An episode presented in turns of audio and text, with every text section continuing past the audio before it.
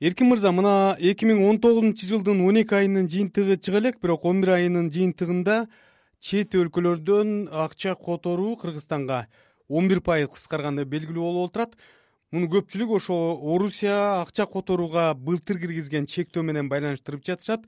Сиз ушуга кошуласызбы? Эми бул э, белгилүү бир өлчөмдө таасир этиши мүмкүн бирок толук кандуу эмес. Себеби дегенде алар э, жанагы бул банктан гана которулган акчаны каражатты айтып атышат да. Ал эми россияда баягы айлык акы көтөрүлгөн э, пенсия пособие да көтөрүлгөн анан экономикасы э, жанагы батыш европа жана америка тарабынан санкция киргизилбедиби экономикасына? Бирок ошол эле мезгилде булар өздөрүнүн экономикасын бир топ көтөрө алган алды ал эми россиянын экономикасы бул э, бюджети дагы профицит менен таңкычтык эмес профицит менен ашыгы менен киреше чогултулду. Экинчиси бул россиянын экономикасында болуп көрбөгөндөй рекордный суммасын айтсак болот алтын валюта запасы дагы көбөйдү да. Анан ошолордун баарын изилдеп келгенде э, орус экономикасы артка кетип ошого байланыштуу десе туура болбойт. Экинчиси бул баягы чектөө киргизгенден кийин биздин э, жарандарыбыз көпчүлүгү баягы өздөрү келип же башкача жол менен дагы мындай келгендерден декларация толтуруп эле өздөрү менен кошо ала келгени көп болду. Анан э, баягы чектөө киргизилип баягы башка мамлекеттерден үчүнчү өлкөлөрдөн кирген автомашиналар тиги кымбаттайт дегенде россиянын территориясынан э, белоруссиядан алынып келген автомашиналарда баягы акчалардын көбүнчө ошол жака жумшашты. Анан бизде экономикалык өнүгүүгө айрым ишкерлер россия федерациясынан же башка жактан оборудование алып келе турган болсо жаңы технология алып келе турган болсо алар баягы нулевой ставка менен э, баягы э, таможенный пошлинасы жок эле кирген да мына ошол жагынан бир топ өлкөгө бир топ эле жакшы пайдаларды алып келди десек болот. Анан муну жакшы талдабай туруп эле тигиндей мындай деп айта берген туура болбойт. Макроэкономикалык көрсөтүчтөрдү анык так билген кишилер айтпаса анан жалпы көчөдө бул айтты тигил айтты деген туура болбойт негизи ошол чектөөнүн суммасы алгач жүз миң рубль болгон анан кайра жүз элүү миң рубль деп э, көтөрүлдү. Бирок эгер мындай алсак орусиянын өзүндө иштеген жөнөкөй кызматкер э, жумушчу жүз жүз элүү миң рубль акча акчаны айына айлык катары алып анан ушунча сумманы кыргызстанга которбойт да. Кандай дейсиз? Андай болсо демек бул түздөн түз ишкерлер менен байланыштуу болуп калып атабы?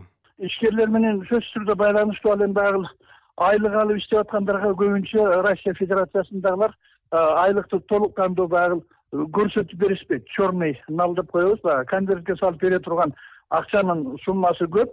Анан экинчиси биздин өзүбүздүн кыргызстандын азаматтары дагы россиянын жарандыктарын алгандар бар.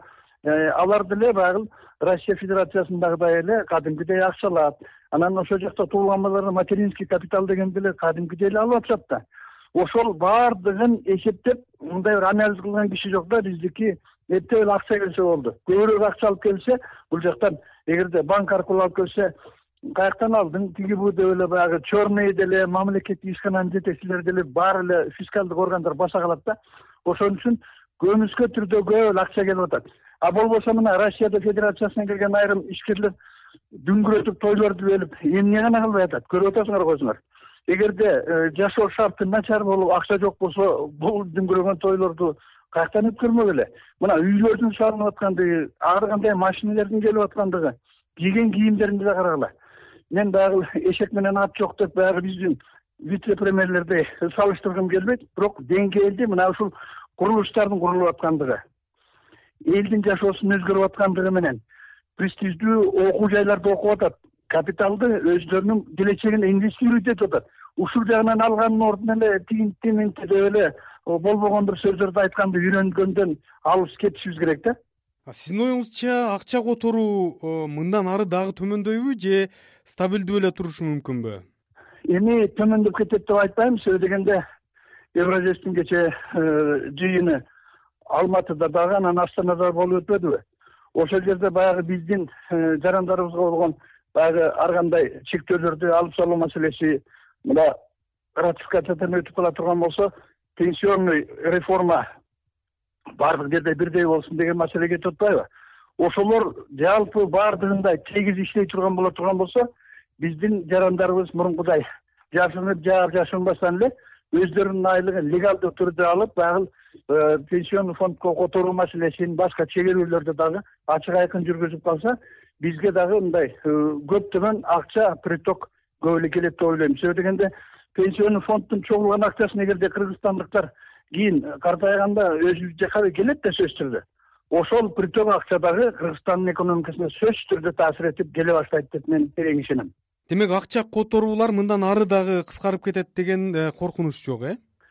Коркунуч жок. Россиянын экономикасы эч качан э, провал болбойт. Себеби дегенде азырынча жанагы э, нефтедолларлар анан газ менен байланышкан чоң чоң долбоорлорду россия федерациясы ишке ашырып атпайбы? Азырынча толук кандуу дүйнөдө эч ким дагы углеводороддон отказ берген жок. Ошон үчүн дагы эле россиянын экономикасы бир он жыл он жыл бул эме системадан кетпейт демек стабилдүүлөнүп деп ойлойм. Ошол эле мезгилде кыргызстандын экономикасына таасири болот. Биз электромобилди кылалы тигинтел мынтел деп айтып атканыбыз менен жакынкы келечекте эч качан бул өзгөрүү мындай чоң эффект алып келбейт. Айрым бир бөлүктөрүндө гана экономиканын э, бир үчтөн бир бөлүгүндө мындай жаңы технология кириши мүмкүн а так россиядан энергетика тарабынан көз карандылык дагы эле боло берет. Мына жогоруда деле өзүңүз э, белгилей кеттиңиз ошол көбүнчө сырттан келген акчанын кыргызстандын өзүндө иштетүү мүмкүнчүлүктөрү тууралуу ысырапкерчилик болуп кетип атат деген э, мындай э, баалоолор бар. Демек бул жерде ошол келген акчанын өзүн мындай максаттуу иштетүүнү үйрөнүшүбүз керекпи? Ооба мына үй салып коюп атса той берет же болбосо бир болбогон бир машиналерди алып алып кийин карызга акча сурап алып кайта кетип атпайбы? Андай кылбастан биз акционердик коом тигинде ошол жерге бир из калтырып кошумча жумуш орун түзүп келечекте өздөрү келгенде бир нормалдуу бир бизнеси бул жерде түптөлүш керек да. Биринчиден элге түшүндүрүү иштерин ачык айкында инвестиция келеби же болбосо бир ишкерлер бир ишкана ачайын тигүү десе эле бизде каршылык эле көбөйө берет. Бизде мыйзамды сыйлоону үйрөнбөй атабыз. Өлкөнүн келечеги үчүн эмес өздөрүнүн кызыкчылыгын жогору коюп коюп мына мамлекеттик жогорку бийликтеги атка минерлер анан экинчиси биз баягы э, келген кишилердин акчасын алып алып баягы өзүңдүн родинаңа кичи мекениңе жардам бер деп айтып атпайбызбы аны жардам берүүчүнүн өзүнүн механизми бар да. Мен мындай сунуштар элем. Ошол келген азаматтардын акчасын өзүңөрдүн айылыңарда болобу жердештериңер акционердик коом тибинде түзгүлө дагы бир эле кишиге айтып деп ээлеп албасын үчүн баягы өздөрү өздөрүнүн акчасын башкарып ачык айкын болуп ошол мамлекеттик бийлик буларга шарт түзүп берип баягы салыктан башка жагынан жеңилдетилип инфраструктуралык турган здание сооружение болобу жер болобу буларга бекер бөлүп берсин.